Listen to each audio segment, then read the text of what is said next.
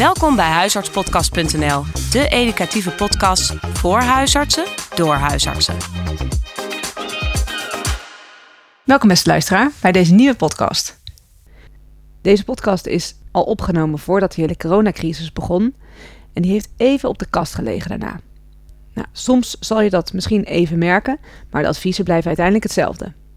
Veel luisterplezier en aan de wandel.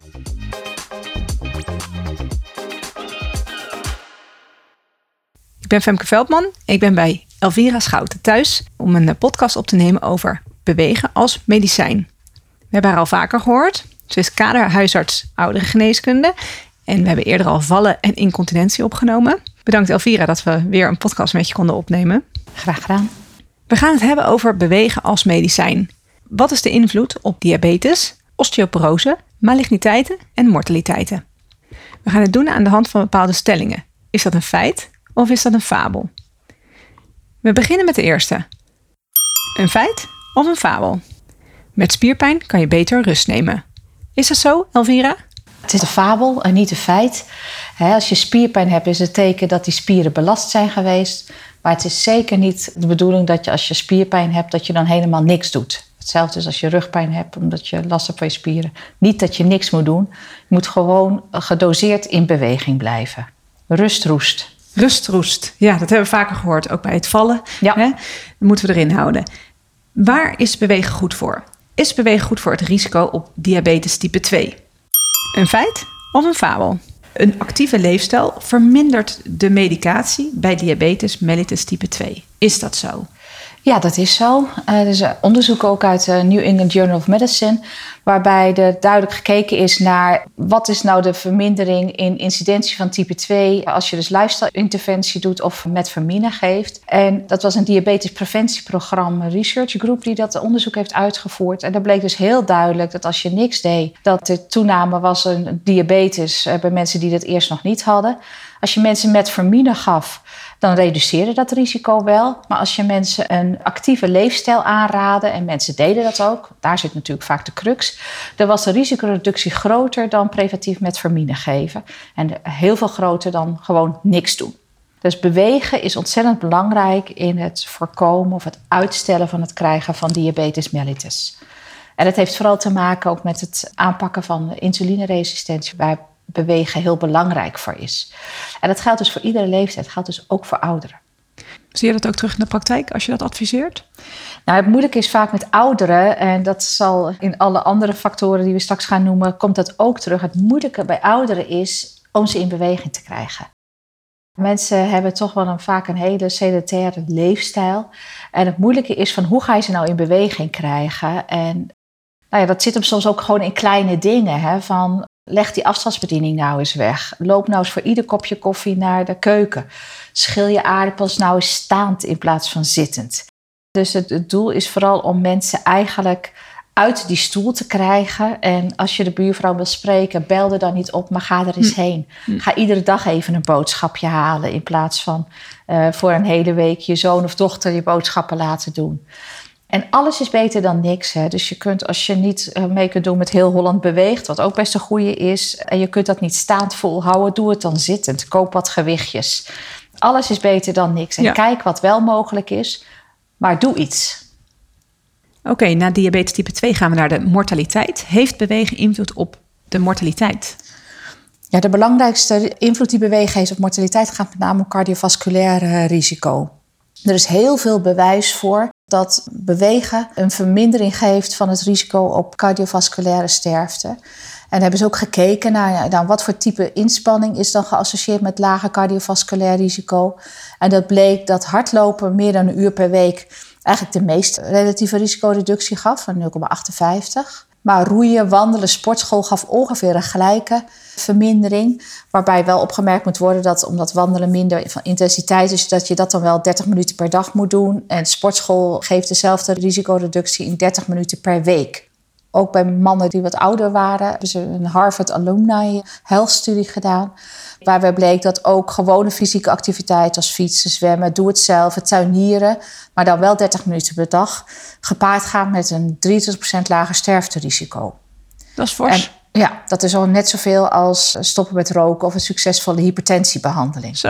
En het Ja. heeft geen bijwerkingen. Ja. Behalve misschien wat spierpijn in het ja. begin. en dan hardlopen is wel een van de betere. Ja, hardlopen, maar dat is natuurlijk niet iedereen meer gegeven naarmate ze Ja. ouder worden. Hè? Ja. Ik bedoel, we hebben allemaal wel 60, 70ers in de praktijk die nog hardlopen. Hè? Maar boven de 75 worden ze wel heel veel zeldzamer. Ja, hè? ja, ja. Hè, omdat een artrose vaak ook wel mee gaat spelen. Hè? Hm. Ehm, hè, dus dan zou je, dus hardlopen is heel goed, maar niet iedereen meer gegeven op hoge leeftijd. Ja. Dus wat zou jij adviseren aan, jou, aan jouw populatie als huisarts? Nou, om in ieder geval 30 minuten per dag een middelmatige inspanning te leveren. En dat mag dus ook gewoon wandelen zijn. En soms moet je dat weer een beetje opbouwen als je natuurlijk een tijd niet gewend bent. Soms moeten mensen over een brug geholpen worden omdat je zegt van nou, hè, ja, het is niet zo helemaal veilig. Nou, doe het dan met een rollator. Hè, maar zet ze in beweging en alles is beter dan niks. En probeer een half uur per dag te doen, eventueel geknipt in twee keer 15 minuten. Ja, dat is een haalbaar. Ik denk dat dat een haalbaar doel is. Ja. Ja. We gaan naar het volgende: osteoporose. Een feit of een fabel? Touwtjes springen helpt osteoporose te voorkomen. Is dat zo? Nou, lichamelijke inspanning is absoluut geassocieerd met de toename van de botdichtheid bij mannen en vrouwen. En dan gaat het met name om die lichamelijke inspanning die wel lichaamsdragend is. Dus wandelen, eh, waarbij je zelf je lijf, eh, je lichaamsgewicht draagt, is beter voor je botten dan fietsen. Aan de andere kant is het natuurlijk wel zo dat als je fietst, je ook je spieren versterkt. Hè, met name waardoor je ook je valrisico weer verkleint. Dus het is lichamelijke inspanning verkleint absoluut het risico op het ontwikkelen van osteoporose. En als je osteoporose hebt, dan vermindert het de kans op vallen. Dus daarmee is het absoluut zo dat lichamelijke activiteit heel belangrijk is bij, bij osteoporose. En dan gaat het er ook met name om dat je dat natuurlijk wel veilig doet. En dat je het ook gedoseerd doet. Dus touwtjes springen helpt het tegen osteoporose, ja.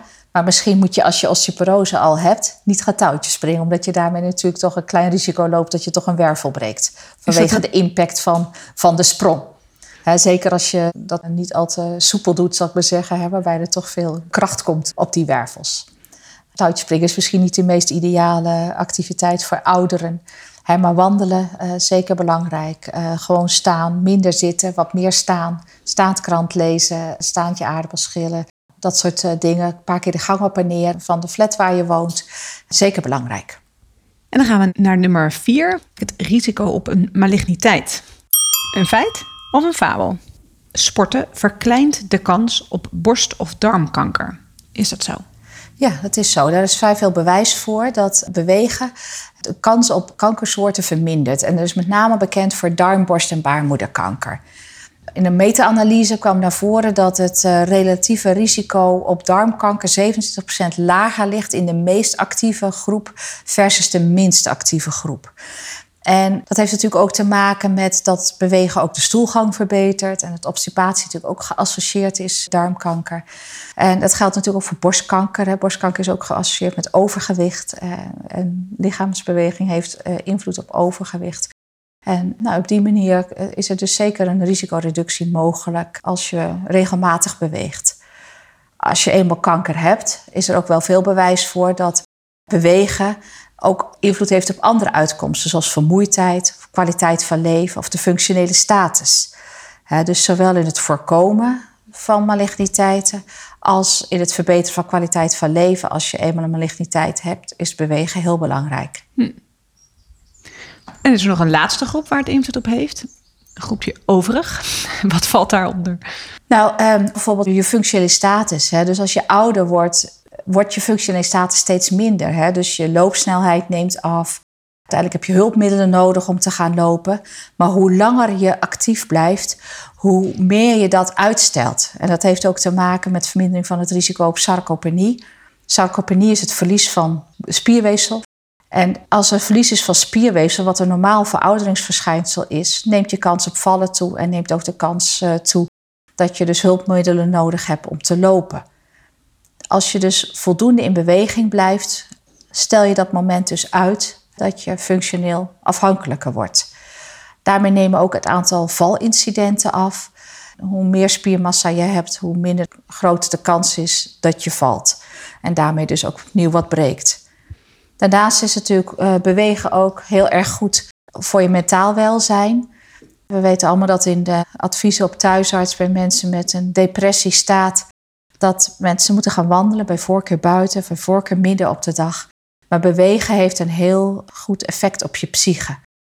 dus ook ouderen die veel binnen zitten, kan het helpen als ze toch geadviseerd wordt om uh, midden op de dag een wandelingetje buiten te maken. Begrijp je dat goed, waarom dat nou zo is? Nou, dat heeft waarschijnlijk te maken ook met het effect van licht. Dus mhm. eh, het effect van licht op je brein, waardoor je dus ook je dag-nachtschommel ook weer verbetert. Ja. Ander ding waar bewegen heel goed voor is, is uh, slapen. dus als je heel de dag zit, dan bouw je eigenlijk te weinig slaapdruk op, mhm. zoals dat heet. Veel ouderen slapen slecht, maar dat heeft dus ook vaak wel te maken met het feit dat ze weinig bewegen. Dus als je ouderen adviseert om meer te gaan bewegen, verhoog je de slaapdruk en vergroot je daarmee de kans dat ze beter gaan slapen. Hm. En er is ook wel onderzoek dat bewegen invloed heeft op het krijgen van galstenen. Vet 40 female, hè? we kennen allemaal uh, de clichés, zou ik bijna zeggen. Ja, dus galstenen en overgewicht zijn duidelijk met elkaar geassocieerd. dus er zijn heel veel voordelen van kruin tot teen, waar bewegen dus een gunstig effect eh, op heeft ook als je ouder wordt. Ja, we hebben het bij het kopje van de diabetes hebben het al eh, benoemd. Wat zijn nou ideeën om dat bewegen te, te verbeteren? Hoe doe je dat verder? Uh, er komt wel steeds meer aandacht ook wel voor. Dus ik denk van dat er ook in de welzijnssector ook wel steeds meer groepen komen voor ouderen om te bewegen. Er zijn ook huisartsen die met hun patiënten gaan wandelen. Dus dat is, het is wel belangrijk dat je, nou ja, dat je dus ook mensen faciliteert, zou ik maar zeggen, in het gaan bewegen. Momenteel is er natuurlijk de gecombineerde leefstijlinterventie, hè, mensen zich ook commitment aangaan om gedurende nou ja, 8 tot 24 maanden ook te gaan bewegen. En te kijken of ze wat kunnen afvallen, in ieder geval betere leefstijl uh, doen. Dat zijn allemaal natuurlijk mogelijkheden waar we onze ouderen niet in moeten discrimineren. Hè? En ook juist hen in adviseren om mee te gaan doen. Maar ook gezondheidsclubjes, uh, veel sportscholen bieden programma's voor ouderen aan. En de kunst is om ze te motiveren om daarmee aan de slag te gaan. Hm. En niet te denken van nou strak in het pak. Alles is beter dan niks. Ja, maak het niet te moeilijk. Maak het niet te moeilijk. Ja. Nee. En wat ik toen straks ook al zei, hè, bezoek je buren in plaats van dat je ze belt. Uh, zorg ervoor dat je gewoon vaste delen van de dag ook inplant van dat is mijn beweegtijdstip. Hm. Ja. Neem een hondje. Heel goed voor de eenzaamheid. En ook, je moet eruit ongeacht het weer. En leg de afstandsbedieningen weg. Probeer eens dingen staan te doen in plaats van zitten te doen. Of als je nog auto rijdt, parkeer je auto eens een beetje verder weg en eh, loop dan een stukje verder. Doe je boodschappen dagelijks in plaats van wekelijks. Mm, zo zijn er heel veel van die kleine dingen die je best kunt doen. Dus eigenlijk het minderen van het mensen makkelijk maken. Ja. Dat mensen worden heel erg juist gefaciliteerd in om ze te helpen. Ja en, en dat geldt ook als de thuiszorg ingeschakeld wordt. Ik zou graag zien dat die niet overnemen, maar coachen. Ja. Begeleiden in. Ja. En je moet echt niet onderschatten wat het oplevert. Hè? Dus ook op hoge leeftijd, en dan hebben we het over 85-plussers, levert bewegen 40% meer spierkracht op. Ja. Dat is echt verschrikkelijk veel. Hè? Ieder medicijn wat we zouden hebben, zou goud geld verdienen als hij dit soort verbeteringen zou kunnen bewerkstelligen. Ja, en dit is dus iets wat ze zelf gewoon helemaal kunnen doen. Zelf kunnen doen, het kost niks en het heeft geen bijwerkingen. Ja, dus dan heb je goud in handen eigenlijk. Alleen je moet ze motiveren. Moet ze motiveren, ja. ja. Nou, aan de, aan de wandel met de, met de mensen. Gewichtsdragende activiteiten zijn heel goed. Anderszins, fietsen is ook heel goed, maar dan bouw je alleen maar meer dus spieren afwisselen, hè, bijvoorbeeld. Afwisselen, ja. Dat je aan beide toekomt. Je hebt veel tips gegeven wat we kunnen gaan doen. Dus uh, ik hoop dat we de ouderen aan het bewegen kunnen houden of krijgen. Ja. Bedankt voor deze podcast. Graag gedaan. Bedankt voor het luisteren. Bekijk ook onze website op huisartspodcast.nl. Voor vragen of suggesties kun je mailen naar huisartspodcast.gmail.com. Tot de volgende keer.